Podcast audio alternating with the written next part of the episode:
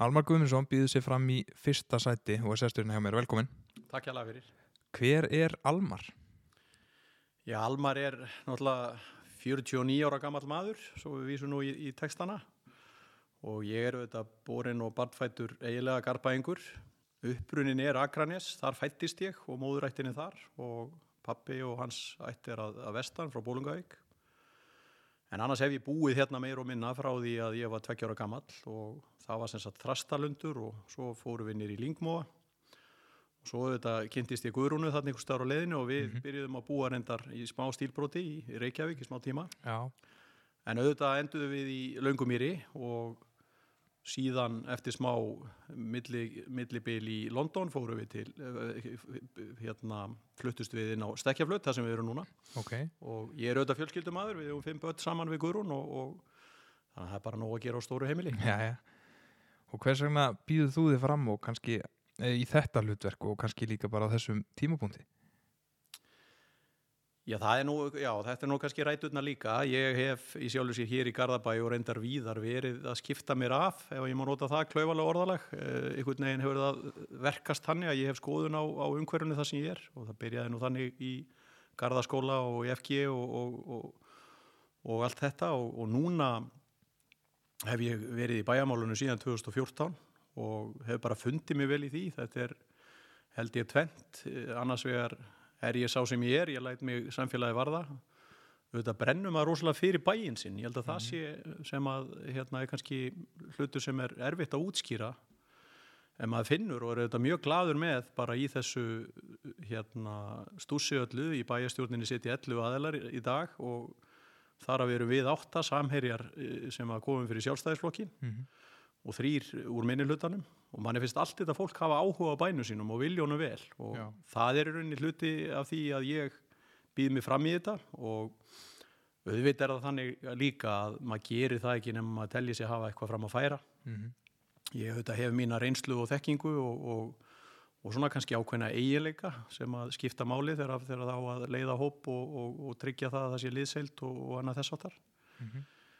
Og svo er lífið auðvitað líka þannig að, að maður verður að, að elda tækifærin og, og, mm. og mér fannst þetta bara spennandi og það sem mér finnst eins og að mest spennandi þegar allir, allir frambjóðundur eru konið fram að þetta er stórkosli staða sem við erum í að vera með 17 manns sem eru að bjóða sér fram, mm.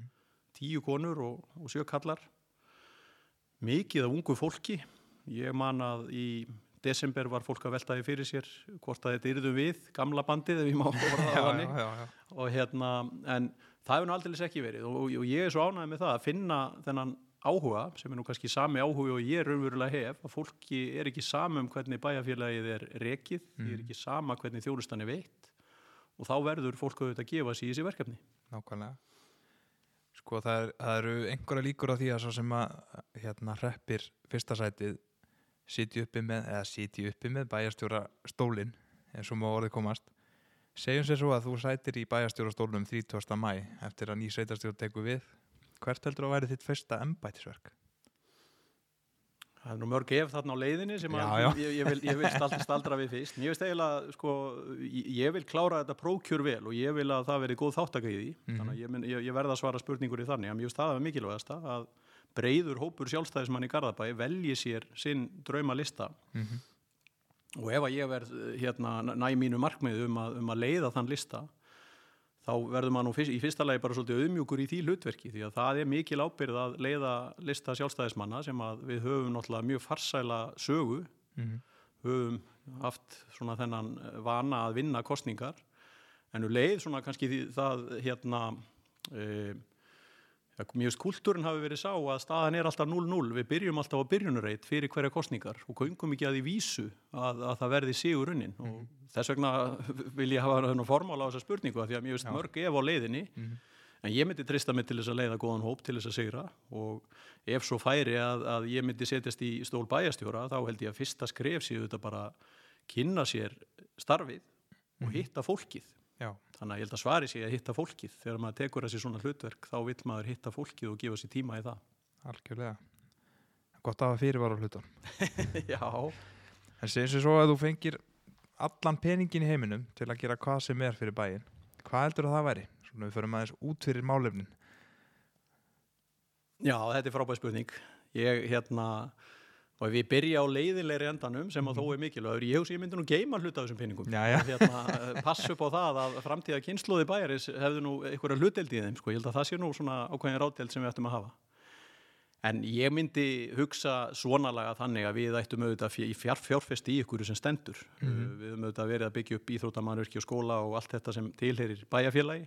Þannig ég myndi hugsa það þannig að menningarhús hefur nú verið nefnt sem dæmi að þarna væri þá kannski kjöri tækifæri að fá góðan tekjustopp til þess að fjárfesta vel í því. Þannig að, þannig að ég, myndi, ég myndi svara þessu svona held ég. já.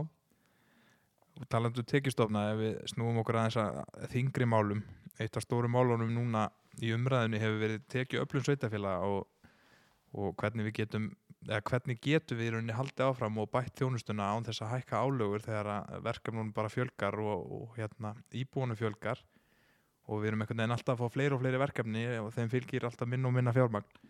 Hvernig sérðu fyrir þér, bara hvernig tökustu á þetta? Já, ég held að þetta sé nú nokkrir hlutir og ef ég byrja næst okkur þá held ég að við verðum að halda áfram á þeirri braut að vera með ráðdeldir ekstrinum. Ég held að það, það hefur bara verið einkinnismerki okkar sem er mjög jákvægt og maður finnur núna þessar vikurnar ef maður auðvitað að tala við mjög mikið af fólki og ég finn það að þetta speiklast svolítið í samtölunum að fólki finnst þetta skipta máli og fólki í Garðabæ hefur ágæti svitund á því að það sé verið að hugsa í hvað fjármunirnir eru settir. Þannig að við mögum aldrei missa þetta frá okkur. Þetta að sé mjög mikilvægt. Og síðan ef við horfum á tekjurnar að þá viljum við, sem er nú anna, önnur kennisetning hjá okkur, að við viljum vera með lágar uh, álögur Mm. og síðan auðvitað kemur að glímunni við ríkisvaldið að hluta til uh, þegar kemur að því hún efni tekjustofna auðvitað er þannig að jöfnunarsjóði, jöfnunarsjóði er ætlað að, að fjármagn ákvæmna hluti eins og til dæmis málefni fallast fólks þar sem að við í rauninni erum að greiða miklu meira úr bæjasjóði, þetta eru tæpið 2 miljardar sem við eigðum í þann málaflokk á, á, á árinu 2022 og fáum ekki þá upphæð úr jöfnunarsjóði þó að e, verkefnið hafi verið lagt þannig upphafi. Þannig að ég held að hluti af þessari mynd er að við garbæingar auðvitað í félagi við til dæmis nágrann okkar í, gegnum samtök sveitafélag og höfuborgarsvæðinu þurfum að vera mjög dugleg að finna þessa leiðir og mín mantra í því er ekki svo að benda á ríkisvaldið að það er bara að redda ykkur heldur Nei, nei. held ég að þurfið svolítið að ræða málinn, það eru fullt af hlutum sem að, sem að þarf að endurskoða bæði þarna og einhverju leiti getur við líka nefnt bara því að fólk auðvitað rukka mann um fastegna gjöld eða mm Mhm. -hmm. álögurnar í kringum þau, hérna álegningarprósentunar á meðan að húsnæðisverður á flegi ferð í rauninni bæði í íbúðarhúsnæði og atvinnuhúsnæði Já. og þá eigum við fullt í fangi með að lækka prósentuna til þess að halda þessu í skefjum og það, það er bara dæmum mál þar sem að menn verða bara hreinlega að, að setja svolítið niður með hvít blað og endur skoða þetta bara frá grunni. og bara fórsendurnar fyrir þessum útreikningi í rauninni Já, Já, í rauninni, já. það er, það er ekki heilbrygt það er ekki heilbrygt fyrir okkur þó að við höfum staðið okkur vel í því þá er ákveðin freistnivandi þarna fyrir sveitafélag ef Mhm. að íbúaverð hækkar að þá veistu af því ef þú breytir ekki prósentunni að þá færðu bara meira fjármagninn Já, og getur nýtt það í reksturinn en það eru auðvitað eh, ekkert sérstaklega svona e, fallegt gagvart þeim sem er að greiða gjöldin hvort sem það eru inn í fyrirtæki eða, eða fjölskylda Nei, nei. Ef við snúum okkur að þess að leikskólamálunum, þar stöndum við frammi fyrir vanda sem er svo sem ekki einskólast ekki bara við Garðabæ, það er mönnunavandi. Uh, nú hefur við lendið því að, að hérna, það varð sprenging í uh, ungum börnum í Uriðaholti og það vantaði sálega leikskólaplás. Það er byggðuð leikskóli en þá einhvern veginn kemur í ljósa að það er ekki túsnæðið endilega sem var stóra vandamálið heldur, sittum við uppi með hús sem við náum ekki að manna og þetta er eitthvað sem verður auðvitað vandamál áfram hvernig heldur þú að þetta er eftir að þróast og hvernig, bara hver er lausnin? Ertu með hana? Ég er ekki með ykkur eina lausn á þessu, ég held að maður verði nú að vera svolítið auðmjúkur gagvart spurningunni en, en mér finnst þess að nokkri hluti sem að við þurfum að ræða og að hluta til er þetta mjög stóra spurningar, þannig á út fyrir Garðabæ. En við, ég vil að við séum svolítið með sjálfströst í það að eh, fara í ákveðna tilraunir eh, í tilraunaverkefni til þess að reyna að, að því að þetta er samfélagslegt mál. Og Guðrún mín er nú deildastjóri á, á hjúkunarheimili í Skóabæ hjá Hrafnistu hún er að fást við þetta í sinni vinnu að það er Mhm. bara eh, hérna, ekkert sjálfsagt að manna vaktir á köplum eh, bæði hvað varðar þá faglært fólk og líka ófaglært og svo erum við að horfa á leikskólan í þessu tilviki þar sem að það, það er nákvæmlega sama saga. Og varðandi þetta faglærða þá þarf auðvitað að fara fram umræða og það er auðvitað mál sem að kannski lagast ekkit 1, 2 og 3 Nei, nei. það þarf bara að velta fyrir sér leikskólakennara námi sem eru auðvitað alvöru nám og mikilvægt við viljum að það sé hérna, velmenta fólk sem að hérna, höndlar krakkana á leikskólanum Uh, og ég hef svo sem enga patentlausnir í því annað en að maður veltir fyrir sér hvort að það sé hægt að, að stitta það nám aftur án þess endilega að, að breyta kröfum mikið. Mhm. uh, ég veit að þetta er hápolítisk umræða, gagvart uh, félugum leikskólakennar og svo framvegis. já, já. En ég hefði gætna viljað að við í Garabæ hefðum svona kannski svolítið metnað til þess að, að taka þátt í þessar umræðu. Um, síðan auðvitað eh, er þarna, já ég ætla nú kannski að klára ófælarðar fólkið, sko að þar held ég að séu líka mjög mikil tækifæri í að hugsa bara hvernig samfélagið er að breytast og sem dæmi um það er að lífslíkurnar eru að aukast, fólk er farið að hafa getu til að vinna lengur og ég horfi á þess að ég ætla að hérna, eh, að segja að það sé ein, að það geti verið hluti af lausninni. Ég horfi bara á hóp fólks sem að minkar við sér vinnu Mhm. en getur þess vegna hjálpa til og þetta getur auðvitað átt við um leikskólan okkar, þetta getur átt við um tómstendastarfið, Já. þetta getur átt við um starf bara frjálsra félaga, Mhm. að við erum með fólk á, á besta aldri sem að hérna er viljugt til verka og ætti að geta unni lengur Mhm. í þá hlutastarfi eða einhverju sem að við komandi til að passa. Þannig ég held að þetta geti verið áhugavert fyrir hérna þennan ófaglærða hluta já, og síðan auðvitað ef, við horfum að lokum í þessu á hvað við getum gert svona í núinu þá erum við auðvitað að skoða og viljum skoða hvernig hlúum við að þessu fólki. Mhm. Þetta er fólk sem er að vinna mjög mikilvægt starf, það er mikið álag, eh, við erum hér að taka einn börn yngri heldur en flestir í kringum okkur eða allir í kringum okkur og það þýðir að, að það er auðvitað meiri umönnun sem fylgir yngstu börnunum uh, og við þurfum að halda áfram að finna leiðir, við höfum auðvitað verið með eh, ákveðna uh, hvata að einhverju leið, leiti, sérstaklega ófarleiriðir fari og menti sig í leikskólakennarafræðum og svo framvegis.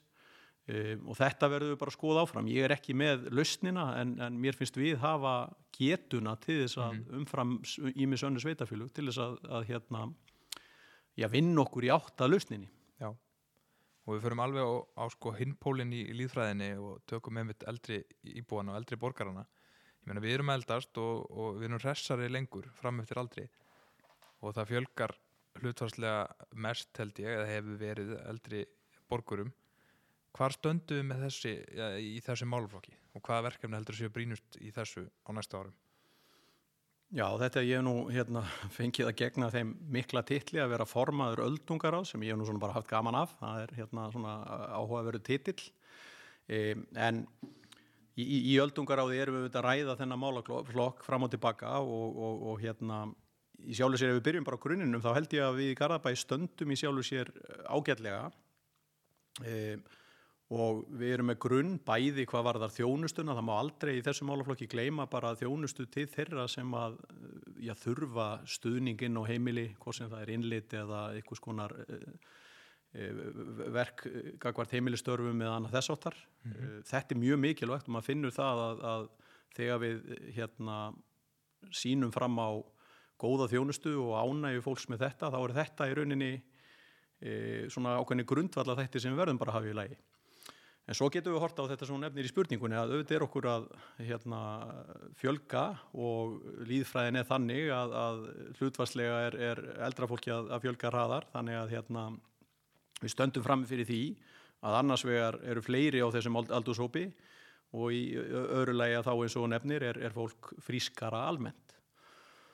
Og þá komum við inn á áherslunar á heilsuefluninguna og allt þetta og ég held að sé svona tvent sem ég myndi nefna að við þurfum áfram að þróa verkefni eins og við erum að vinna núna með félagi eldriborgara í, í, og, og þau eru að, að vinna með Janussi og hans fólki. Mm -hmm.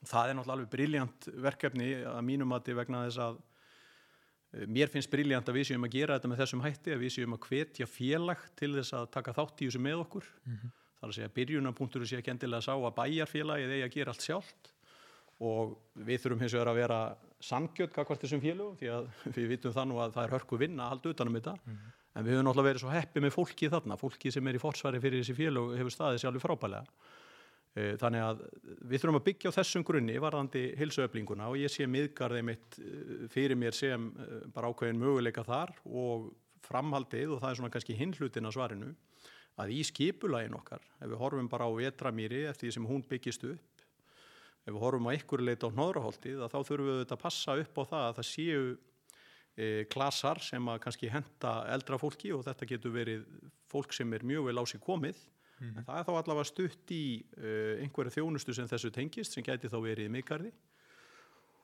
Og hinn hliðin á þessu, varandi þennan hóp, maður finnur líka fyrir því sem við þurfum að, að velta fyrir okkur að, að e, klassin er í unnargrund eða, eða hérna sú gata í rauninni. Hún er mjög vel heppin, heppnuð þar sem að fólk átti þá þess kost að minka eins við sig en þó vera áfram í sérbíli.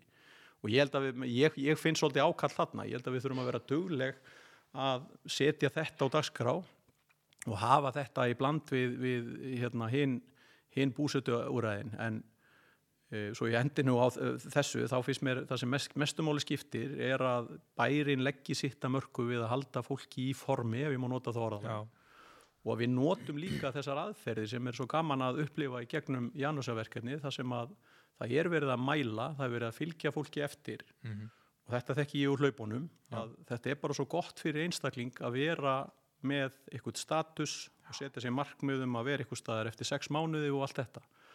Þannig að uh, alveg óháð aldursflokki þá ef, við- ef okkur tekst að, nota þessa aðferðafræði, hún er náttúrulega alveg briljant Já. og að því þú komst að þessi ná skipulasmál þau hafa þetta verið ágættu horfi hjá okkur. Uh, núna er og hefur verið mikið í fjölmiðlum það er loðaskortur og það hefur verið hæg uppbygging og það þarf nú ekki nema rétt að kíkja inn á fastegna við til að sjá að það er ekki mikið frambóð hér í bænum. En auðvitað er urðaholtið að klárast og þá hlýtur eitthvað annað að taka við. Hvernig stöndu við þessu og hvaða skref eru framundan þar? Og hvað heldur við þurfum að leggja áherslu á í komandi uppbyggingu? Já, það er sko það er auðvitað þannig að, að hérna, eins og nefnir heildar staðan í þessu er ekki góð þegar við horfum bara á samfélagi sem heild og, og horfum kannski á höfuborgarsvæði sem heild og jafnvel ef við tækjum svona sveitafélögin utanum höfuborgarsvæði líka að það er skortur allstaðar en svo verðum við auðvitað að halda því til haga hér í Garðabæ höfum við verið að byggja mun hraðar en, en allir í kringum okkur fyrir utan Mósilsveit eða Mósilsbæ hérna hér á höfuborgarsvæðinu Uh, og mér finnst það skipta máli. Uh, sko það sem við erum með á borðinu núna er hansi mörg verkefni. Uh, við erum í, á miðsvæði Altanes og, og við erum í Lingási við erum síðan hérna í, í hérna Östubænum eða hvað við köllum það í Uriðaholtið að klárast eins og nefnir. Svo er það Vetramýri og, og Nóraholt og þannig erum við búin að te telja upp svolítið mörg svæði. Já, já, og þannig að ég held að, að útfæslan sérstaklega það sem við erum kannski komin aðeins skemur í skipulagi sé, sé, þá finnst mér við bera mikla ábyrði því að vera svolítið lægin í því hvernig við skipulegjum mhm, hvers konar eignir ættu að vera? Við þurfum að horfa á eldra fólkið eins og ég var að tala um áðan. Við þurfum líka að horfa á unga fólkið. Mhm. e, við þurfum að horfa á hérna, fólk sem að vill minka við sig en er, er kannski ennþá vinnandi aldri, er komið uppkomin börn en, en, og, og, og fleira í þessum túr. Ég held að, ég held að það skipti máli og e, ég held sko það sem ég, ég myndi segja að mér fyndi skipta mestu máli auðvitað eh, lóðaskortur er má, málefn okkar allra og Garðabæra á ekki að vikja sér undan því og við erum svo sannarlega ekki að gera það. En svo finnst mér bara skipta máli það sem við höfum alltaf lagt áherslu á og verið góð í þó að auðvitað eru alltaf mál sem að má gera betur tímabundið. Gerir fyrir og spyrjum um, um slíkt hérna rétt á eftir en, en, sko, en það er að við höfum getuna til að byggja upp þjónustuna samhliða því sem að bærin stækkar. Og það finnst mér vera svolítið garbæska mótili sem að við okkur hefur í öllum aðalatriðum ef við förum áratugin aftur í tíman, staðið okkur frábæli í. En auðvitað koma alltaf upp ykkur mál þar sem að við getum hort í speilin og hugsa þegar þarna hefðum við geta gert aðeins betur. Nú er skemmtilegt að segja frá því að því þú byrð nú að stekja flutinni ég held að er það ekki flatirnar það sem var búið að malbygg og setja bljósastur og steipa gangstéttir áður en að húsin fór að byggjast Jú, og, það, er- og það er bara gaman að hérna sjá að því að það er nú vefur eða sem sagt grúpa á, á, á Facebook þar sem að fólk er að posta gömlu myndum úr Garðabæ sem mér finnst svona það, það er hérna, maður er með svo mikið hjarta fyrir bænum að maður þykir rosalega gaman að sjá þetta. En það er mitt mjög gaman að sjá myndirnar af Garðaflutinni til dæmis endir langri og, og húsin bara valla byggð en allt alveg spikk og span í guttunni en þá ætla ég nefnilega einmitt að spurja þig um innviða uppbyggingu og við höfum lent í smá vandræðum með innviði í urriðholti að það er að segja kannski ekki vandræðum en meiri vandræðum með tímalínuna. Auðvitað spila hrunið inn í og annað en hvernig telur þú líklegt að það sé best að við leysum svona mál og hvernig forðustu að lenda í einmitt svona skekkju með uppbyggingu hverfa versus þá innviða? Já, sko ég hérna í fyrsta lagi held ég að við þurfum bara að vera svolítið auðmjúk og segja uh, þú veist, þegar það er mikil uppbygging og mér finnst fólk alveg skilja það þó að maður skilur vel að fólk sem að gerði sér væntingar um að leikskólapláss væri klárt á ákveðnu tíma og svo tefst það. Ég hef nú gengið í gegnum þetta fimmsinum þannig að við þekkjum þetta vel okkar fjölskylda að, að þetta, það skiptir máli að fólk upplifi öryggið í þessu. Mm -hmm. þannig að ég vil nú vera, vera auðmjúku gagvart í en svo skinnja maður nú líka að fólk átta sig á því að oft er þetta flókið. Eh, oft þurfa margir hlutir að ganga saman á sama tíma til þess að þetta virki. Og því miður eru þetta þannig að, að við eh, lásum ekki alveg rétt í gögnin og öruglega kannski að hluta til eh, brúðum, hefðum geta brúðist hraðar við, það er svolítið minn lærdómur þegar ég horf, horfið tilbaka á, á þetta mál varandi leikskólabötni í Uriðholti e, og ég held í rauninni að, að það sem ég tek út úr þessu er við getum alltaf bætt áallanargerð uh, ég held að þetta kom öllum óvart. Það er alveg klárt mm -hmm. að við stemdum að því að hverfið liti út á ákveðin hátt og, og það þýtti tiltekinn barnafjölda og svo breyttist mm -hmm. það uh, en við höfum mögulega getað uppgötað það öllíti fyrr og brúðist á við Um, og ég svona, ég kem náttúrulega úr hérna búin að vera mikið í, í atvinnlífin í, í stjórnunastörfum og annað þess áttar þar sem að er auðvitað lögð, lögð áhersla á mælanleg markmið mm -hmm. e, vera að vinna með e, upplýsingar og annað þess áttar og ég held að það skipti máli að þar getum við gert betur Já. en þá er ég samt alls ekki að segja það að við höfum ekki verið að vinna þetta svona því að mér finnst okkar fólk ef við horfum bara á skipulagsviði sem dæmi mm -hmm mér finnst að vera upplugt í því hvernig það nálgast uh, verkefnin og hvernig Já. það lítur á verkefnin fram í tíman hvað þurfum við að vera búin að gera hvenar Já. en það er alltaf hægt að gera betur og þetta er dæmið það.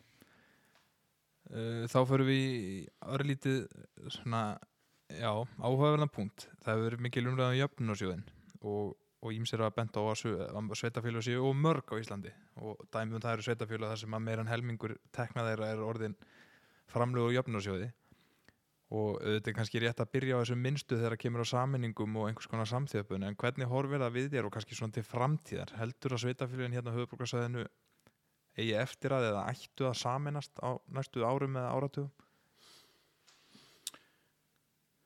Ég held ekki sko. Ég, ég held þetta sko þetta snýst náttúrulega alltaf um svona það sem við getum kallað á ekkert mjög miklu fagmáli krítiskan massa að einingarna séu nægilega stórar til þess að bera ákveðna þjónustu.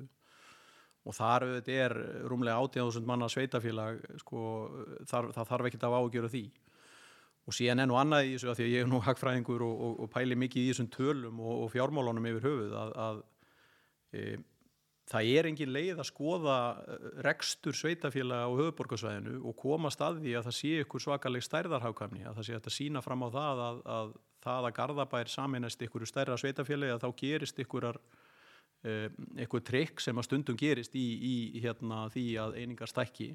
Mm. þetta er annar punktur en ég held að sé bara fjárhæsluður ég sé þetta ekki á borðinu að, að því að kannski að vegna þess að okkur hefur tekist ákveðin hlutir það er annað sem skiptir máli í þessu líka og það eru þjónustan. Að ég held að sko upplifun fólks og við erum svolítið heppin í Garðabæ við erum auðvitað stækka en við erum samt mátulega lítið og, og, og grútlegt samfélag. Og það skiptir máli, mér finnst þetta að vera það sem maður heyri frá fólki því mhm. líður, líður vel í þessari heild þannig að hérna eh, og mér finnst það, það og þessi nær þjónustu eins og hún er stundum kölluð það bara skiptir máli að hún sé nálagt ákvarðanatakan, fólku upplifa ákvarðanatakan sé nálagt sér mm -hmm. og og síðan má þetta ekki gleyma því þó að það sé í sjálfu sér eins og staðinni núna bara frábært mál að, að þegar að Garðabær og Altanis saminuðust, það voru auðvitað ákveðin undanfæri á því, því í, í, í fjárastuðu Altanis mm -hmm. En við höfum svo sannarlega verið tilbúin þegar að hlutinir hafa komið upp og, og það mál held ég hafi nú líka verið verulega farsælt vegna þess að samfélagið út á Altanisi svona þegar maður komst nærði og, og fyrir utan það, ég kynntist nú ykkurum áltnesingum þegar ég var í gardaskóla því ég var í svo kvöldum áltanisbekk eins og þetta var kallað, hindislegi krakkar eins og, eins og við hinn garabæði með hinn e, en það, er bara svo mikil karakter á áltanisunu sem hjálpar mm. held ég garabæðir, hann býr til miklu svona breyðara og, og, og skemmtilegra samfélag Dýnamík Dýnamík uh, Nú erum við nýbúin að opna hérna stórt fjölnáta íþráttós uh, stór fjárfesting en mun án ef að koma sér mjög vel á næstu árum og áratugum. Margir hafa talað um að næsta skref hljóta að vera stort og flott menningarhús. ertu sammála því mati og hvernig sérðu fyrir það þannig hús, kannski með tilliti til staðsendingar, starfsemi eða þess áttar? Já, ég, þú, þú gafst mér svo mikið pening í spurningunni hérna á, ég er náttúrulega búinn að lesa þetta, Já. En, hérna, en þetta er mjög hérna, mikilvæg spurning og fyrst náttúrulega verði ég að fá að, að segja um miðgar að því ég kom nú svolítið nálægt í máli uh, frá upphafi, uh, að ég held að við séum þar með sko uh, svona konsept í höndunum óháð því, þetta eru auðvitað fjölnóta íþróttahús og því er ætlað að, að hérna, gegna því hlutverki En ég held að hvernig það mál var hérna nálgað eh, skipti svolítið máli í saminginu. Það er að segja þarf, allar þarfagreiningarna voru mjög ítalegar og, og það kannski, ég man að ég var róin þreyttur eh, þegar ég var fósfarsmaður í stjörnunni að býða eftir því að við fengjum hérna yfirbyggt knatt hús sem Mhm. eru þetta annað og minna heldur en miðgarður er í raun og veru því að hann Já. er miklu meira. E, en ég held að það hefði hjálpað því máli. Annars vegar að þarfagreiningarna voru vandaðar og líka að það mál fekk að þess að þroskast áður en að við Mhm. fórum og byggðum. Og það er svona kannski það sem, það sem maður lærir eftir því sem maður verður reyndar í þessu að þó að það liggi á og, og aðilar vilji leysa sín mál strax að þá getur það bara gert málinn betri að þroska umræðina Varðandi menningarhús þá er ég ennþá svolítið þar að, að mér finnst þetta mjög spennandi. Uh, ég veið samt að horfa til þess að, að við þá uh, pælum í nótkunninni. Mm -hmm. Við erum að ræða hér ungmennahús og velta fyrir okkur uh, einhver leiti dýnamíkinni hérna bara að því að við erum hérna á Garðatorkinu, hérna í miðbænum. Uh, og það er náttúrulega mjög skemmtilegu bræðingur að vera með ungmennahús, hönnunasapn, bókasapn og, og sjálfsagt geti maður nefnt fleira fyrir utan bara mannlífið í kringum veslanir og þjónustu og íbúa að við þurfum að hugsa þetta vel. Ef við byggjum menningarhús uh, hvernig eigum við að gera það þannig að við tryggjum sko því hús er náttúrulega bara hús. Já, en við þurfum líf og við þurfum dýnamík Mhm. og þú veist það er nú tónlistaskóli hérna líka sem að fari nú bara flug. Það er alls konar hlutir sem að ég, ég er að taka með mér núna þessa vikurnar og eitt af því er tónlistanám sem að sem að ég held að við getum staðið okkur betur. Mhm. það gæti verið hluti af þessu á þess að menningarhús sé tónlistaskóli en þar mögulega fengjum við húsnaði til þess að gera betur í, í mentun barna í, í tónlist Mhm. uh, þannig ég get eiginlega ekki svarað þessu öðru en, en, en, en svona en ég held að, að sko menningar og safnanemdin sem er náttúrulega búin að sinna þessu máli núna í ákveðin tíma og, og þar aftur taland um þarfagreiningu og, og svona strategíunni í þessu þar, þar liggur þegar mjög góð vinna Mhm. sem að mun þá hjálpa okkur þannig að ég er kannski aðeins að fara í kringum þetta en, en það er líka vegna þess að mér er svolítið ant um það að við séum ekki bara að byggja eitthvað nýtt við þurfum líka að skoða hvað eigum við og hvaða húsnæði eru við að nota og þetta þarf alltaf að vinna, vinna saman þráttir allt þá eru við bara rúmlega 18.000 Já, já. og, og við mögum ekki við, við eigum að hafa metnað en við þurfum líka að vera svona praktíski í úlausninni algjörlega. Uh, þú talar um, um hérna Garðatorkið og, og við erum með hérna hérna miðbæ sem hefur verið að byggjast upp núna svona með þessum nýju viðbótum og nú er komið mikið líf og fjör. Uh, við erum með mikla uppbyggingu þjónust í Urriðholtinu í þeim kjarna, það eru veitingastaðir og fleira. Uh, með stækkandi byggðu áltanesi ger ég ráð fyrir að, að það bætist enn í flórina þar og þessi nærþjónusta verði meiri en hvernig sér þú fyrir þér svona þessa hverfa kjarna og þá kannski ekki síst Garðatorki og hvernig framhaldi geti verið hér og þar Já, það er en þetta er náttúrulega hérna, mjög mikilvæg uh, vangavelta og maður mann nú bara þá tíð sem maður hérna, kjafti nú af, af, sér í miðri kostningabaróttu þegar ég og félaga mínir vorum óþægilega hátt hlutfall af tekjum garðakrárinnar sem var sannlega fyrsta kráin sem reyndi fyrir sér hér á, á Garðatorki og maður var nú hættulega ungur á þessum tíma en, en hérna það endaði nú eins og það endaði, það rættist úr okkur Já, já, en þessi, þessi rekstur eh, hérna er sagan einn e, og ég, ég, sko varðandi þetta alltaf, þá finnst mér svo spennandi að sjá Garðatorki, hvernig við höfum smátt og smátt eh, og ástæðan fyrir ég tek þessa gömlu sögu er að hún segir að Garðabær var of lítill eða einhvern veginn of hérna e, veikt samfélag þó að það sé lélegt orðalag hjá mér á þeim tíma til þess að eh, ná krafti í vestlun, ná krafti í safnastarsemi eða, eða veitingastæði eða hvað þetta er. En núna erum við komin þangað og það eru þetta líka ákveðin samfélagsbreyting sem að, sem að hérna, skýrir það. það bara fólk gerir meiri kröfum um að geta sótt sér svona þjónustu í staðin fyrir að elda kjötfaseima og Varðandi Garðatorka þá held ég að við þurfum bara að halda áfram. Það hafa verið plön og vangaveltur um hvernig við þróum þetta áfram en ég held að sko seglarnir eru komnir uh, sem eru þetta ákveðin grunnþjónustæðins og bæjarskristoðuna sjálfar. Uh, hönnunarsafnið er frábær segull og, og ég eh, mér finnst það svolítið hérna, skrítið að fara að huglega að, að færa það eitthvað því að mér finnst það að vera svona einhvern veginn kjarni á garatorkinu Já, og svo auðvitað erum við með verslanir. Mér finnst svona við, við vera að ná því að, að vera með verslanir sem að hérna uh, draga til sín fólk vegna þess að þeir hafa eitthvað sérstakt. Já. og ég held við þurfum að vinna með það. Og svo auðvitað að ég hafi dór langt mér sýnist urriða holti vera á fítni leið. Þar, þar eru hlutir að gerast og þar líka kannski njótu við góðs af því sem er ekki sögulega mjög garðbæst að þar er tiltulla þétt byggt. Já, og sem, sem auðvitað eigur líkunar á því að, að það sé lífænleiki í, í ákveðinni starfsemi. Og var, varandi hitt þá verður það bara að þróast. En mér finnst náttúrulega svo skemmtilegt að, að velta fyrir mér hvernig eh, til dæmis vetramýrin og, og, og Nóraholti mun þróast því þar verðum við með atvinnustarfsemi, við verðum bæði með hérna auðvitað vestlanir og þess áttar og svo verður hérna skrifstofustarfsemi og ég held að það svona í anda umhverfismála og þess að fólk vil vera nær sínum vinnustað maður býður bara eftir að við förum að sjá stóru nöfnin hérna flytja höfustöðvar eða einhverja stopnarnir að koma Já. hérna í bæin af því að ég held að miðpunkturinn sem við erum þarna upp frá Mhm. hann verði ákveðin segull algjörlega Ef við færum okkur úr málefnunum og aðeins yfir í persónulegri spurningarnar svona í restina Hvað bók lastu síðast? Já, hvaða bók, sko það er hérna það er nú þannig að það er hleyið að mér á, á ákveðnum ástíma heima hjá mér vegna þess að, að og það er náttúrulega alltaf um jólaleitið að þá, þá hérna og það er síðasta heila bók sem ég las. Ég er nú búin að gleyma hvað nýjasta bók Issu Sigurðardóttur heitir en það er bókin sem að ég ég las síðast. Það ekki bráðin? bráðinn, Er það getur, getur, getur passað. Hérna, en það var allavega síðasta bók og, og svona mitt ritual í kringum hátíðarnar er ofta að, að tryggja það að ég annarkvort fái að gjöf þessar ágætu bækur, svona þessar krimma maður, maður les þetta svolítið. Og mér finnst bara eitthvað stemning í því í skamdeginu að vera að lesa svona eitthvað mátulega draugalegt, nú, hérna, við getum nú tengt issu við Garðabæð og hún sé ekki Garðabæðingu sjálf.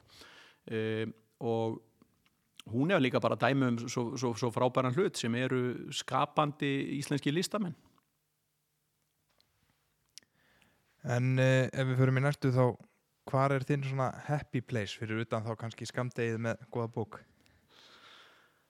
Já, það er sko það er auðvitað samt heimilið sem maður myndi segja er, eh, maður auðvitað, við- búum sjö saman í heimili og, og það er aldrei hérna, maður verður eiginlega að segja þetta á ennsku það er aldrei döl moment Nei, og, og það er svo skrítið hvað það nærir mann eða kannski er það ekkit skrítið en það nærir mann bara svo mikið og, og ég er alltaf að horfa á, á börnum mín sem að eru þetta fimm saman hvað þau eru heppin að vera í þessum félagskap. Mhm. og ég held að þau fattið það ekki sjálf hvað þetta er mikilvæg partur af uppeldi.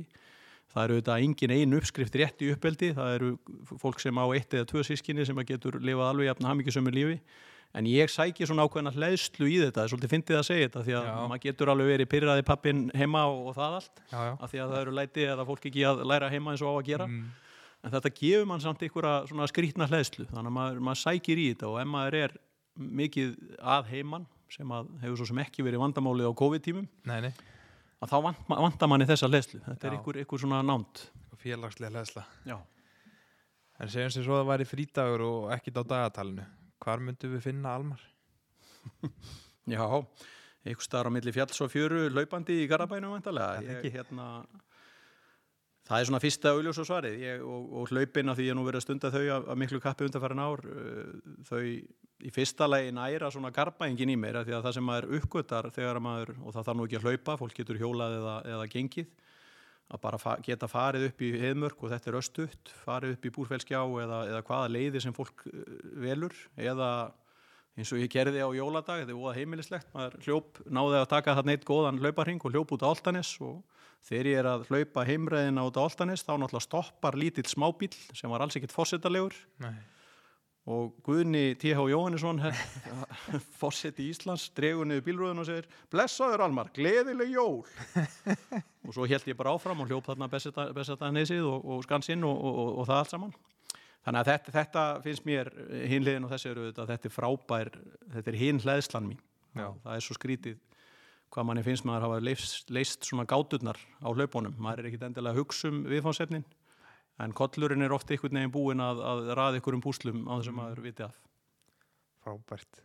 Hvað hérna færðu þér í bragðarefin þú kíkir í aðra hvora nú eru það orðna tvær ísbúðunar hérna þannig að það er nú að, nú að sækja fyrir utan svo íka Já, ég þyrfti nú að rifja upp að því að önnur ísbúin tengist náttúrulega Sófusi og ég veslaði nú mikið við hann og, og Gústa bróður hans á sínum tíma í Salgetis og Vídeohöllinni og þá, þá voru svona spes samlokur sem ég baði alltaf um en, en þú spyrðum bræðar ef en ég, ég er rosalegu lakrísmaður þannig að það er alltaf allavega eitthvað smá lakrís.